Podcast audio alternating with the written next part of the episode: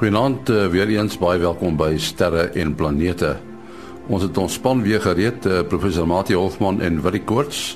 Natuurlik uh, Kobus Olkers met 'n ruimte weer en dan ons nuus wat geskryf word deur Herman Turin in Bloemfontein. Een van die tergendste ruimtegeheime mag dalk 'n baie onwaarskynlike verklaring hê, naamlik ruimteseilskepe van beskawings baie ligjare van die aarde verwyder.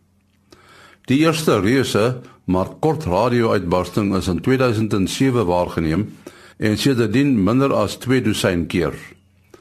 Die oorsprong van hierdie uitbarstings, afgekort die FRB's, is onbekend. Asook watter soort ruimtevoorwerp in staat sou wees om dit voort te bring. Die uitbarsting duur minder as 'n duisendste van 'n sekonde, maar stel meer energie vry as selfs 'n pulsar. Volgens 'n groep teoretici van Harvard kom die uitbarstings presies ooreen met die tipe energievrystelling wat nodig sou wees om seilruimteskepe teen groot snelhede na hulle bestemmings te lanseer. Van die 17 FRB's wat al waargeneem is, het een herhaal. Hulle kom van galaksies baie ver vandaan en teorieë oor wat hulle sou veroorsaak is volop. Terwyl wetenskaplikes nog kopkrap oor hoe Mars aan sy twee maatjies, Phobos en Deimos gekom het, het wetenskaplikes van onder meer die Universiteit van Purdue en die VSA 'n model ontwikkel wat 'n gans ander voorstelling doen.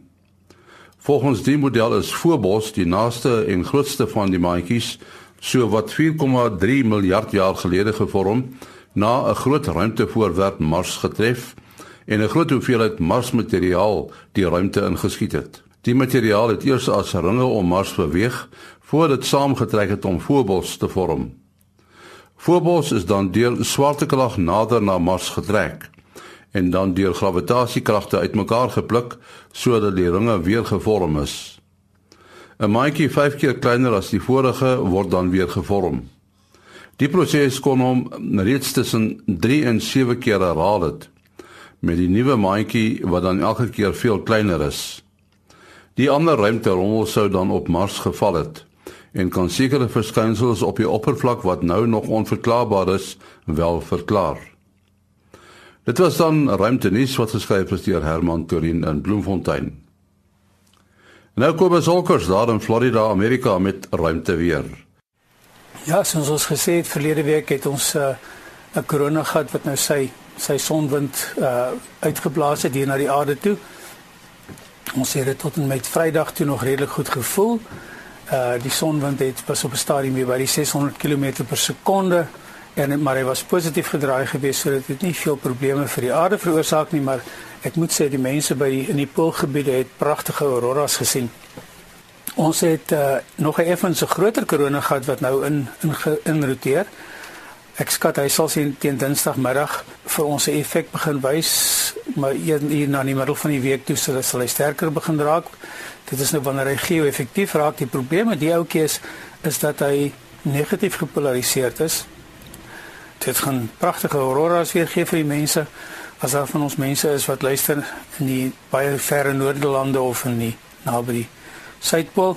Ons uh, langafstand kortgolf uh, gebruikers gaan verseker 'n probleem hê met hulle frekwensies.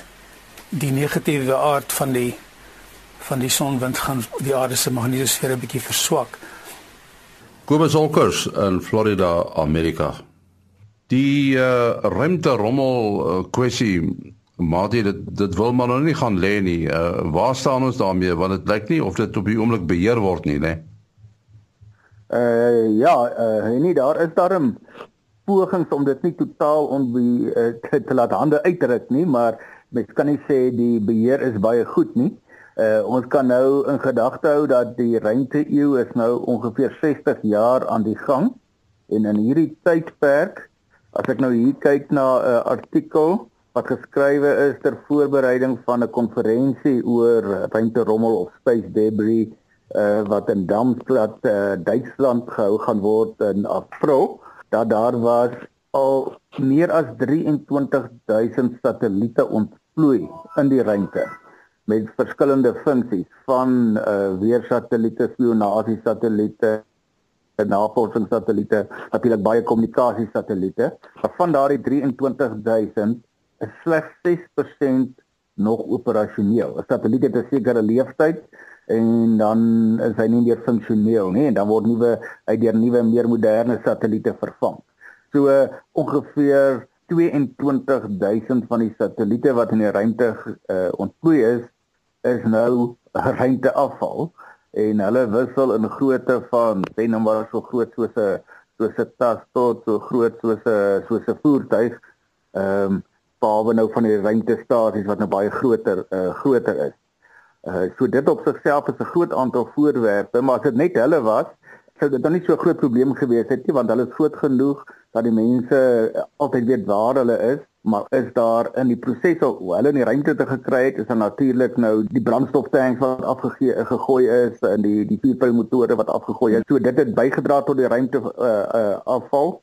'n klein deel daarvan het teruggeval ruimaarde toe en uitgebrand is seker watter persentasie daarvan het nou weer uitgebrand nie maar intussen tyd het van die voorwerpe begin verbrokkel bloot weens uh, verwering in sekere gevalle weens uh, weens botsings met ander voorwerpe. So nou as gevolg van hierdie klomp prosesse wat plaasgevind het en ook die die aktiwiteite van ruimtewandelings, die ontplooiing van satelliete, skat hulle dat daar ongeveer iets soos 166 miljoen voorwerpe wat wisselende grootte tussen 1 mm en 1 cm kan wees. Nou dis almal groot genoeg om skade te kan veroorsaak wanneer dit 'n satelliet tref want hierdie voorwerpe beweeg tot teen 50000 km per uur relatief tot ander voorwerpe in hierdie naby aarde bane. So daar's 'n geweldige klomp voorwerpe, maar gelukkig hoe groter hulle word, hoe kleiner word hulle getalle.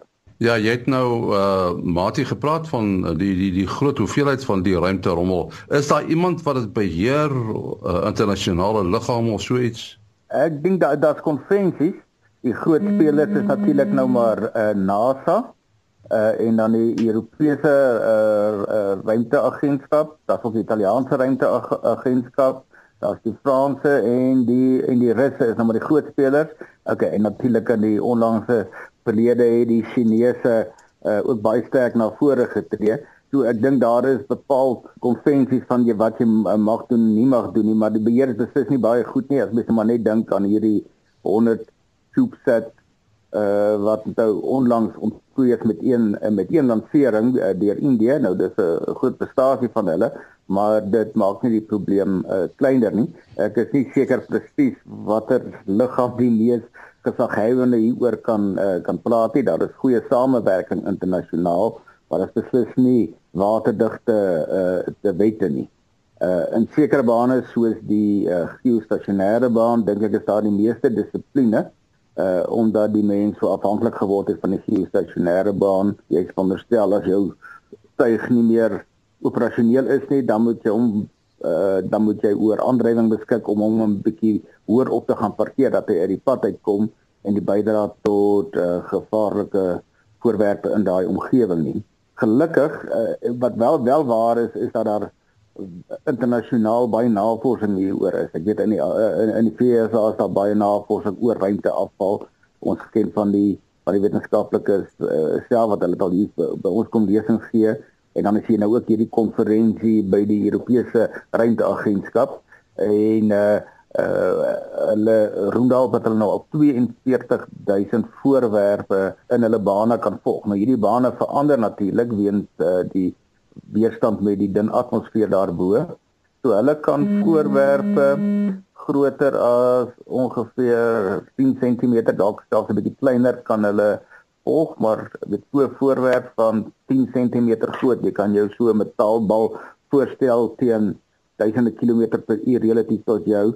Uh dit kan katastrofiese gevolge hê en waarvoor die bangste is is die sogenaamde Kessler sindroom waar uh een uh fragmentasie weens 'n botsing uh aanleiding gee tot nog meer dan sit so 'n uh, kettingreaksie. Die voorwerpe wat in 'n botsing gevorm is, bots weer met mekaar en dit fragmenteer in al kleiner en kleiner komponente uh wat dan soos 'n halgeweer patroon deur die ruimte uh afstuur en groot probleme kan veroorsaak val in die naby aarde satellietbane.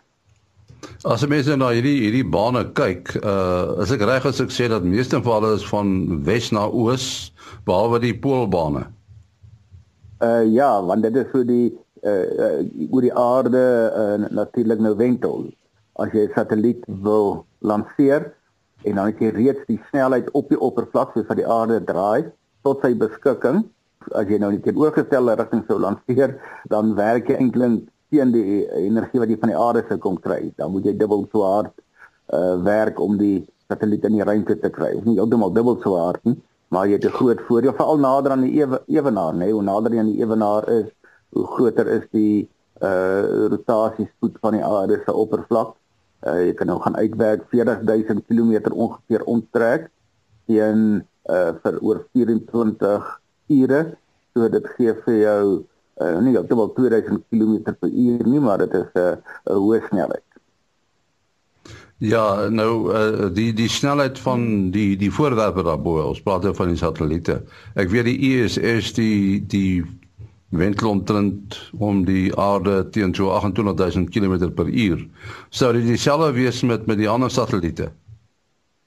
Uh ja, die ISS is 'n uh, bietjie nader as die meeste uh, ander satelliete. Sy hoogte bo die aarde se oppervlak is ongeveer 400 km. So 600 km hoogte is meer meer tipies, dis ook waar mens die Hubble teleskoop kry. En dan praat ons meer hierso van 25000 km per uur. En dan hoe hoe verder jy weggaan, hoe stadiger word daardie spoed. Dis nou maar volgens Kepler se wette.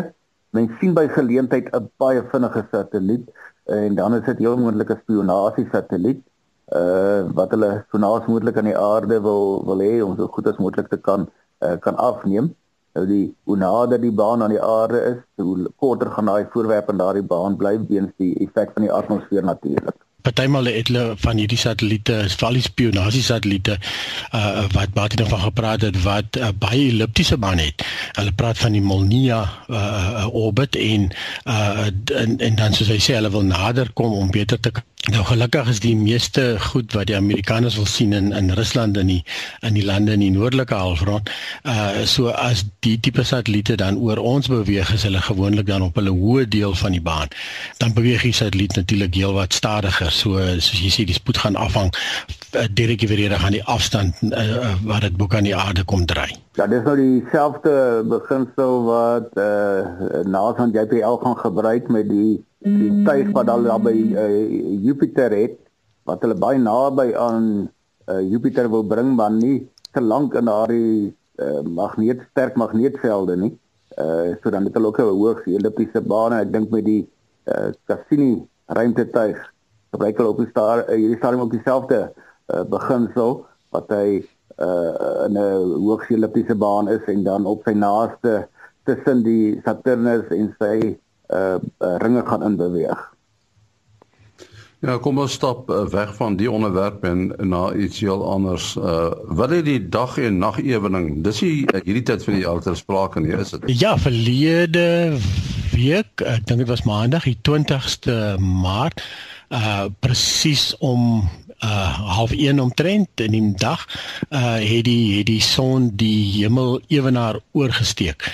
Uh so wat dit vir ons op aarde beteken is dan dan is die dag en die nag ewe lank. Ehm um, so dit uh, word staan bekend as die ewening of in Engels praat hulle van die equinox En uh, ons weet natuurlik dit gaan twee keer 'n jaar gebeur of nou in Maart en dan weer hier uh, rondom uh 21 22 23 September. En van die September gepraat, die um, lentedag vier ons tradisioneel op die 1ste uh 1 September, maar uh, in volgens die die hemelliggame is dit eintlik gewoonlik hier rondom die 21 22. Uh en dit is dan wanneer dit amptelik lente raak. So ons is nou amptelik uh, amptelik in herfs. Ehm um, ja, interessante uh, geskiedenis ook agter hierdie datums.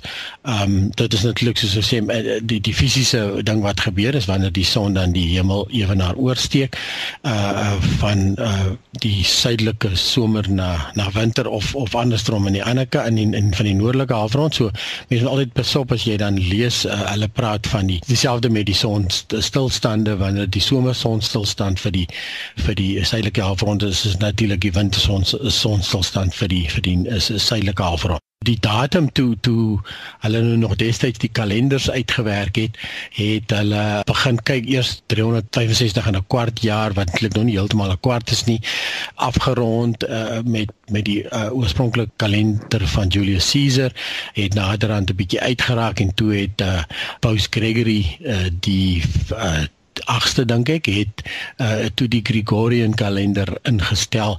En onder andere wat hulle ook toe nog gaan kyk het is na die ehm um, na die presiese datum. Uh want nou kan jy die kalender skuif. Jy, jy kan eintlik nou nie die fisiese ding skuif nie want dis wanneer die son oor beweeg. Maar jy kon die kalender se bietjie rondskuif en en een van die scenario's waarmee hulle gesit het is dat uh dat Paas Sondag ons weet um, Paas Sondag skuif rond.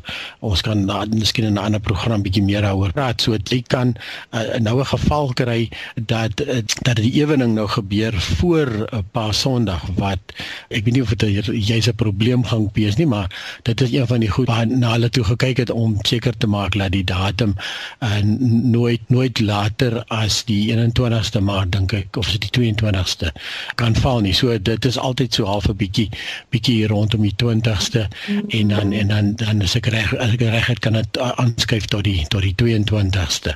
Die uh, dinge wil nie presies so maklik werk in die werklikheid as wat dit op uh op die uh eweninge is die dag en nag uh ewe lank. Uh, nou dit is waar in die opsig van as 'n mens nou die donker en die helder deel van die aarde nou mooi gaan gaan teken daar soos jy dit uitkyk, dan is die twee helftes ehm um, ewe groot, maar as mens nou gaan kyk hoe ons dag en nag uh definieer in terme van wanneer die son opkom en wanneer die son ondergaan, dan het mense 'n bietjie van 'n probleem want die uh, son is nie 'n puntbron nie. Die son se grootte is uh, hoe groot is ongeveer 'n halwe graad. Ehm um, en dit vat dis 'n rukkie vir die son om heeltemal onder te gaan. So die die effek daarvan is dat die gemiddelde lengte van die nag deur die jaar is bietjie korter as die dag, want jy het nog dag, al skyn dit is steek dit 'n klein stukkie van die son uit, dan is die son nog nie onder nie. En uh om dinge nog uh, moeiliker te maak, het ons nog uh atmosferiese refraksie wat die son se lig om die horison buig. So die son is eintlik al uh as jy nie atmosfeer sou gehad het nie, heeltemal onder en dan sien ons nog die son wat jy sien uh, om 'n om 'n om 'n hoek. Uh en die net die effek daarvan dat op die ewening is die dag daai paar minute uh, langer as as die nag en dan moet jy so 'n bietjie aanstap in in in die geval van die suidelike halfrond moet jy so 'n paar daggies aanstap in die rigting van die winter voordat daar 'n spesifieke datum kom. Ek is nou nie seker presies wat daai datum is nie, wat die dag en nag dan nou presies ewe lank is in terme van hoe dit gedefinieer is, son heeltemal uh onder die onder die horison. Dan sê ons moet afsluit. Uh wil jy jou besonderhede Ja, mense kan bel WhatsApp of SMS uh, 0724579208.